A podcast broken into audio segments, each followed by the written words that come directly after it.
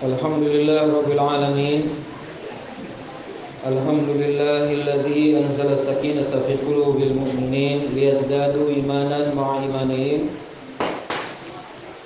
أشهد أن لا إله إلا الله وأشهد أن محمدا عبده ورسوله.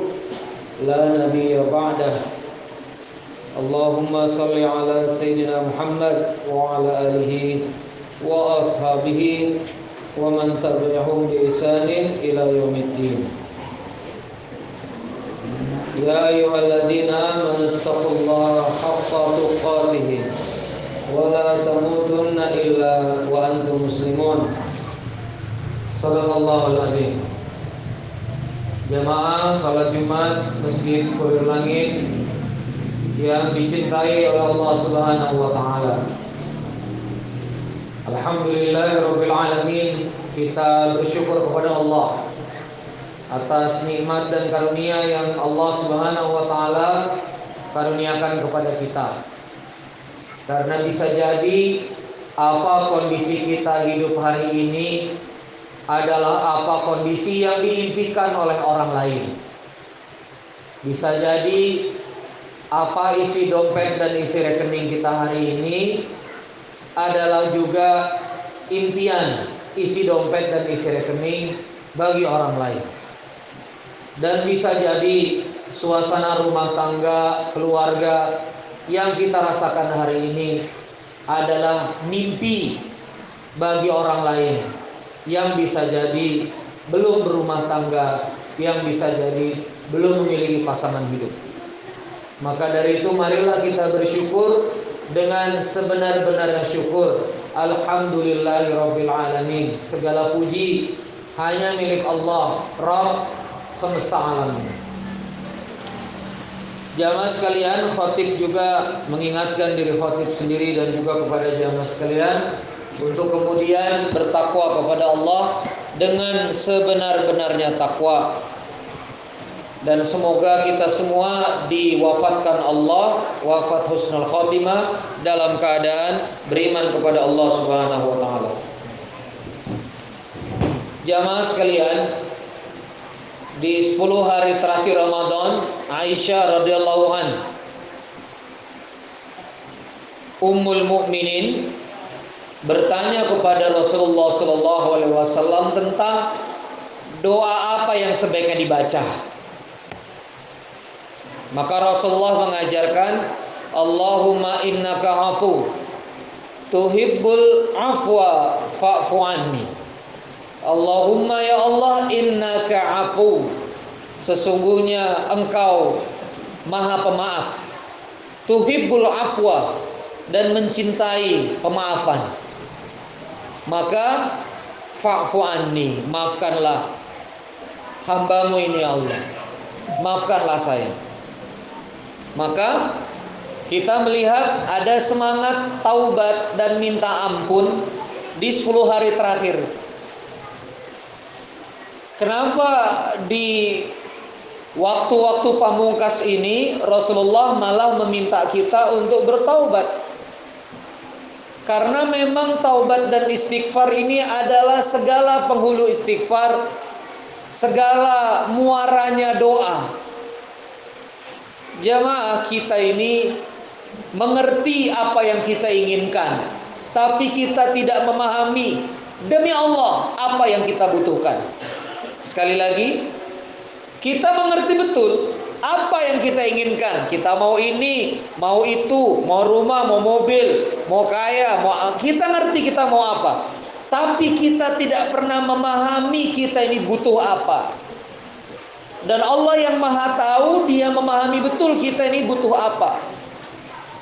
Maka banyak ulama salaf banyak para habaib para orang alim para soleh mewasiatkan menasehatkan di 10 hari terakhir ini permintaan yang paling utama adalah minta ampun. Karena kalau engkau sudah dapat ampunan engkau sudah dapat makfirah dari Allah Subhanahu wa taala maka insya Allah Allah akan mencukupi semua kebutuhanmu.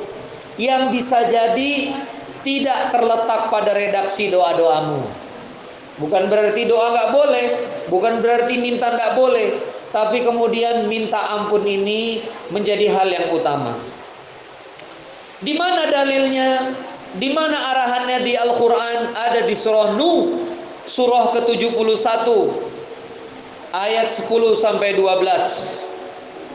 Allah Subhanahu wa taala berfirman, Qala Allah taala fi kitabihil karim, A'udzu billahi minasyaitonir rajim. Faqultu astaghfiru rabbakum innahu kana ghaffara. Faqultu astaghfiru maka aku katakan kepada kalian mohon ampunlah kepada Rabb kalian. Ini perkataan Nuh. Innahu kana ghaffara. Sesungguhnya Allah itu Maha Pengampun. Dilanjutkan di ayat 11, yursilis sama alaikum midrara dia akan mengirimkan dari langit atas kalian midror, sesuatu yang lebat. Jamaah sekalian, ini kalau di terjemah Depak langsung dijelaskan yursilis sama alaikum midroro. Kami turunkan hujan lebat. Padahal begitu kita buka ayat ini tidak ada satu kata pun tentang hujan. Yang ada lebat, midroro. Midroro itu turun dengan sangat banyak. Jadi yursilis sama alaikum midroro akan turun kepada kalian, akan diturunkan kepada kalian dari langit sesuatu yang lebat, sesuatu yang banyak, sesuatu yang saling bersusul-susulan. Ini bisa jadi hujan, bisa juga berbagai macam hal dari langit. Barakah minas sama, rahmah minas sama, ampunan maghfirah minas sama. Jadi siapa yang kemudian banyak istighfar, lalu kemudian langit ini membanjiri, langit ini menhujani orang-orang yang ahli istighfar ini dengan apa? Dengan rahmat Allah, dengan berkah Allah, dengan ampunan Allah. Dan banyak doa kita itu butuh dibukakan para ulama, maka dari itu para ulama sering menasihatkan kalau berdoa ya Fattah ya Razak ya Fattah ya Razak. Wahai yang maha pembuka wahai yang maha pemberi rezeki. Langit ini bisa ketutup dia. Makanya Allahumma ftahli abwabas sama ya Allah bukakanlah pintu. Pintu yang mana? Pintu langit. Jadi kalau turun banyak dari langit termasuk juga pengabulan hajat-hajat kita dunia. Itu juga dari langit maka yang butuh banyak hal istighfar. Nanti Allah hujani dengan rahmah. Manusia ini banyak dosanya. Kita itu punya ketetapan balak. Kalau banyak istighfar, Allah hujani dengan rahmah. Balaknya luntur. Harusnya kecelakaan gak jadi, harusnya operasi gak jadi, harusnya tumor gak jadi, harusnya kanker gak jadi. Kenapa? Rahmah. Harusnya bercerai gak jadi cerai, harusnya berkonflik gak jadi konflik. Kenapa? Karena dihujani dengan rahmat Allah. Yursilis sama alaikum midroro. Dan andai kata pun memakai definisi hujan, hujan itu adalah sumber kehidupan. Yuhyikum maka yang bisnisnya mati istighfar nanti Allah tumbuhkan. Yang rumah tangganya mati istighfar nanti Allah sehatkan, Allah hidupkan. Yang kemudian hatinya mati istighfar nanti Allah hidupkan hatinya. Ayat 12. Wa yumdidkum dan Allah akan memperbanyak yumdidkum bi amwal hartamu wabanin dan juga anak-anakmu. Ini lugas sekali kalimat Quran. Istighfar, aku akan tambahkan harta dan anak. Lugas sekali kalimatnya. Jadi yang butuh harta istighfar. Maka Hasan al-Basri pernah didatangi muridnya, pernah didatangi banyak muridnya. Wahai syekh saya punya masalah hutang, istighfar. Datang lagi murid berikutnya, wahai syekh saya belum punya keturunan, istighfar. Wahai syekh saya miskin. Istighfar. Semua solusi itu istighfar. Kenapa? Karena istighfar itu yumditkum bi amwal. Istighfar itu menambah harta Wabanin Dan juga dia menterapi Untuk yang ingin punya keturunan. Pakai istighfar Nanti Allah banyakkan keturunan. Yang menarik berikutnya wa yaj'al lakum jannatin. Dan akan aku karuniakan kebun kepadamu. Apa maksudnya kebun di sini jamaah sekalian? 14 abad yang lalu ketika Quran ini turun, pendapatan pasif income itu hanya dari kebun. Jadi bahasa jannatin di sini adalah bisnis. Maka Allah akan kasih bisnis yang moncer, yang mengalir terus profitnya. Jadi bisnis perdagangan itu dikaruniakan. Sudut pandang Quran itu bisnis model itu tidak dirancang-rancang, dia karunia bagi hambanya. Maka gimana yang ingin punya bisnis, yang ingin punya usaha? Istighfar. Astagfirullahaladzim wa atubu ilaih. Astagfirullahaladzim wa atubu ilaih. Kalau mau bagus, Sayyidul istighfar. Allahumma anta rabbi. La ilaha illa anta. Khalaqtani wa ana abduk wa ana ala ala adika wa adika mastata'tu. A'udzu bika min syarri ma sana'tu. Abu laka bi ni'matika alayya wa abu bi dzambi faghfir li fa innahu la yaghfiru dzunuba illa anta. Istighfar. Allah kasih kebun. Dan yang lebih dahsyat lagi, wa yaj'alakum anhara dan dia menjadikan bagi kalian sungai-sungai. Apa itu sungai? Apa yang mengalir dalam kehidupan kita itu? Apa maksudnya sungai di dalam kehidupan sehari-hari? Sumber kehidupan ambil air bersih di sungai. Makanya semua peradaban kota itu tumbuh selalu di sekitaran sungai. Maka kata Allah waya ja'alakum anharo. Aku akan kasih kamu sungai. Apa itu cash flow? Aku kasih kamu aliran cash, aliran kehidupan. Bisa jadi kamu terus menerus dakwah. Aku kasih kamu aliran makan. Makan gak berhenti Allah kasih rezeki kanan kiri depan belakang. Bisa jadi gajimu nggak tetap, tapi tetap hidup, tetap dapat makanan, tetap anak-anak dapat beasiswa. Ah, ini dia masuk di surah Nuh ayat 12 ini. Dia dapat magfirah Allah, dia dapat fadilah dari istighfar. Maka dari itu jamaah sekalian sudah hampir 10 menit khatib khutbah. Maka di sisa-sisa detik-detik Ramadan ini kalau kita sulit ngelis apa yang belum diminta kepada Allah ini? Apalah sekiranya yang belum kita minta kepada Allah ini? Tidak usah pusing. Ada satu password, kalau ini kita minta, semuanya dapat. Password itu namanya istighfar. Dia jackpot. Maka malam hari ini di sepanjang Ramadan, mumpung pintu langit ini terbuka, mari kita banyak-banyak istighfar kepada Allah. Astagfirullah, astagfirullah. Nunggu buka puasa, Astagfirullah. Lagi di jalan, astagfirullahaladzim, astagfirullahaladzim. Lisanan zikri. Billah, ingat kepada Allah. Zikrullah, zikron kasiran. La'allakum tuflihun. Banyak-banyak zikir supaya kita kemudian menang. Barakallahu li walakum.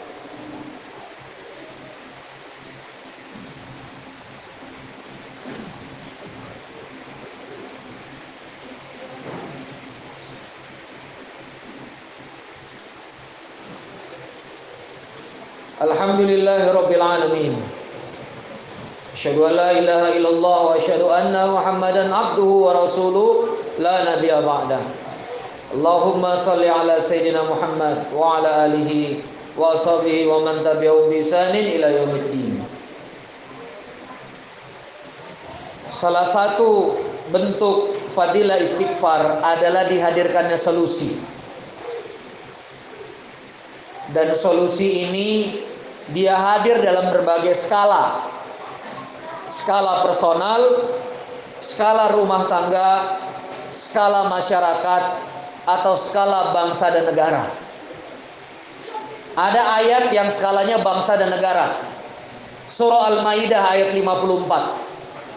Allah Subhanahu wa taala berfirman di surah Al-Maidah surah kelima ayat ke-54.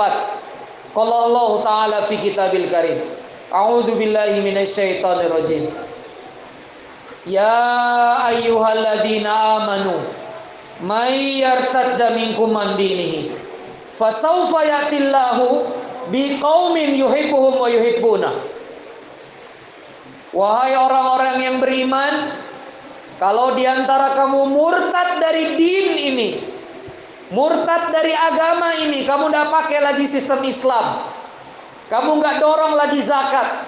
Kamu nggak benerin lagi masjid, kamu nggak mamurkan lagi masjid. Kamu keluar dari rel Islam ini apa janji Allah? Fasaufa yatillahu biqaumin yuhibbuhum wa yuhibbuna. Allah akan turunkan generasi, Allah akan turunkan kaum, Allah akan turunkan manusia berikutnya yang Allah mencintai mereka dan mereka mencintainya. Fasaufa yatillahu biqaum yuhibbuhum wa yuhibbuna. Adillatin alal mu'minin. Mereka lemah lembut terhadap mukmin. Saling bantu, penuh senyum. Aizzatin alal kafirin. Mereka punya izah terhadap kekufuran. Yujahiduna fi sabilillah. Mereka berjihad di jalan Allah. Wala yakhafuna laumata laim. Dan mereka tidak takut terhadap celaan orang-orang yang suka mencela. Ini ciri-ciri generasi pengganti. Maka ini adalah mekanisme Quran. Kalau masyarakat rusak, akan datang generasi muda. Yang generasi ini generasi waliullah yang Allah mencintai mereka. Dan ini bukan satu dua orang, sekumpulan generasi. Yang Allah mencintai mereka dan mereka mencintainya. Mereka menolong sesama kaum mukmin. Mereka tegas kepada kekafiran, punya izah, punya harga diri. Mereka berjihad bersungguh-sungguh di jalan Allah, membangun agama Allah, membangun masjid Allah, membangun dakwah Allah. Wala yakhafuna dan mereka nggak takut celaan orang-orang yang suka mencela. Oh ngapain masih muda ngurus masjid? Ngapain masih muda ngurus baitul mal? Ngapain masih muda jadi relawan ambulans? Mereka nggak peduli. Anak-anak muda ini terus bekerja. Ini ciri-ciri generasi pengganti yang dijanjikan Allah Al-Maidah 54. Zalika fadlullah yutihi mayasya. Itulah fadilah Allah kepada yang dia kehendaki. Wallahu wasi'un alim dan Allah maha luas. Pemberiannya maha luas kasih sayangnya. Wasi al alim dan maha mengetahui. Hari ini kita berada di masjid yang menjadi tanda-tanda bekerjanya ayat-ayat Allah Subhanahu wa taala. Anak-anak muda yang penuh keterbatasan dan penuh dengan sumber daya yang minimal. Membangun dakwah, melakukan sesuatu untuk masyarakat. Apa ini sebetulnya yang sedang kita baca? Yang kita baca adalah surah Al-Maidah ayat 54 yang sedang bekerja di sekitar kita. Maka dari itu jamaah sekalian, dzalika bi annallaha lam yakum mughayyiran ni'matan an'amaha ala qaumin hatta yughayyiru ma bi anfusihim. Al-Anfal. Sungguh-sungguh Allah itu tidak akan merubah nikmat kepada suatu kaum kecuali kaum itu yang merubah nikmatnya sendiri. Ini ayat menyindir kafir Quraisy Mekah. Yang didatangkan Rasulullah diletakkan di Mekah tapi nggak dihargai tapi kemudian tidak didukung malah dimusuhi malah terusir ke Madinah. Maka kata Allah dzalika bi anna Allah lam yakum mughayyiran ni'matan an'amaha ala qaumin Aku nggak ngubah nikmat yang aku berikan kepada kaum itu. Hatta yughayyiru ma bi anfusihim. Kecuali kalian yang ngubah-ngubah sendiri. Hari ini Allah Subhanahu wa taala menghadirkan kita hujan generasi anak-anak muda yang menghafal Quran, anak-anak muda yang mengurus masjid, anak-anak muda yang mengurus sahur, anak-anak muda yang mengurus buka puasa, anak-anak muda yang mengurus orang susah, orang lemah, anak yatim, fakir miskin, hadir ini di Masjid Kurir Langit. Seperti hujan mereka hadir, merapat mereka, seperti magnet hadir semua. Maka jangan sampai kita mengingkari nikmat Allah ini dengan tidak mendukung mereka. Maka kita sebagai warga masyarakat baru yang diberi karunia generasi pengganti para kekasih Allah ini, para wali Allah, para kekasih Allah ini yang sudah dihadirkan di kurir langit ini, maka kita jaga keberadaan mereka ini, kita dukung supaya kita tidak masuk dalam gelombang ayat Al-Anfal itu. Dalika bi anallaha lam yakum ghayran ni'matan an'amaha ala qaum. Maka jamaah sekalian, di akhir khutbah kedua yang khatib sampaikan ini semoga Masjid Kurir Langit ini menjadi satu titik epicentrum keberkahan. Apa itu epicentrum? Titik gempa. Pusat gempa kebaikan itu harus ada di sini menggetarkan satu Sulawesi Selatan, menggetarkan satu Indonesia, menggetarkan satu dunia. Maka kita berdoa kepada Allah Subhanahu wa taala. Semoga Allah jaga keikhlasan, jaga ketulusan, jaga barokah dakwah, jaga karomah dakwah apa yang sudah dilakukan oleh masjid kita semua. Bukan masjidnya si A, masjidnya si B, bukan masjid kelompok A, kelompok B. Ini masjid milik umat Islam. Kurir Langit ini adalah wakaf organisasi umat Islam. Dia adalah entitas umat Islam. Tanah Sulawesi ini pernah kedatangan kekasih Allah, pendiri Al Khairat yang kemudian membangun Al Khairat, membangun dakwah. Menyentuh banyak kampung. Akhirnya memberi warna hingga hari ini di Indonesia Timur. Seribu lebih Al Khairat di Indonesia Timur, Masya Allah. Itu milik umat Islam wakafnya umat Islam. Mari kita jaga sama-sama. Semoga Allah Subhanahu wa taala mencintai kita semua. Kita akhiri dengan munajat kepada Allah Subhanahu wa taala. Semoga Allah Subhanahu wa taala membukakan pintu langit. Allahumma ighfir lil muslimina wal muslimat wal mu'minina wal mu'minat al ahya'i minhum wal amwat innaka sami'un qaribun mujibud da'wat ya qadiyal hajat Allahumma inna nas'aluka salamatan fit dinina wa afiyatan fil jasadina wa ziyadatan fil ilmina wa barakatan fi rizqina wa taubatan qabla al mautina wa rahmatan 'inda al mautina wa maghfiratan ba'da al mautina Allahumma inni a'udzu bika minal hammi wal hazan wa a'udzu bika minal ajzi wal kasal Wa'udhu bika minal jubni wal bukhli wa'udzubika min galabatid dain Wa qahri rijal Allahumma kfini bihalalika An haramika Wa aghnini bifadlika amman siwak Allahumma arzuqna ilman nafi'an wa amalan mutakabbala, wa rizqan halalan tayyiban katiran barakatan ya arhamar rahimin wa anta khairul razikin wa anta ghafurur rahim wa anta khairul fatihin ربنا لا تزغ قلوبنا بعد إذ هديتنا. وهب لنا من لدنك رحمة إنك أنت الوهاب. ربنا آتنا في الدنيا حسنة وفي الآخرة حسنة. وقنا عذاب النار. أقيم الصلاة.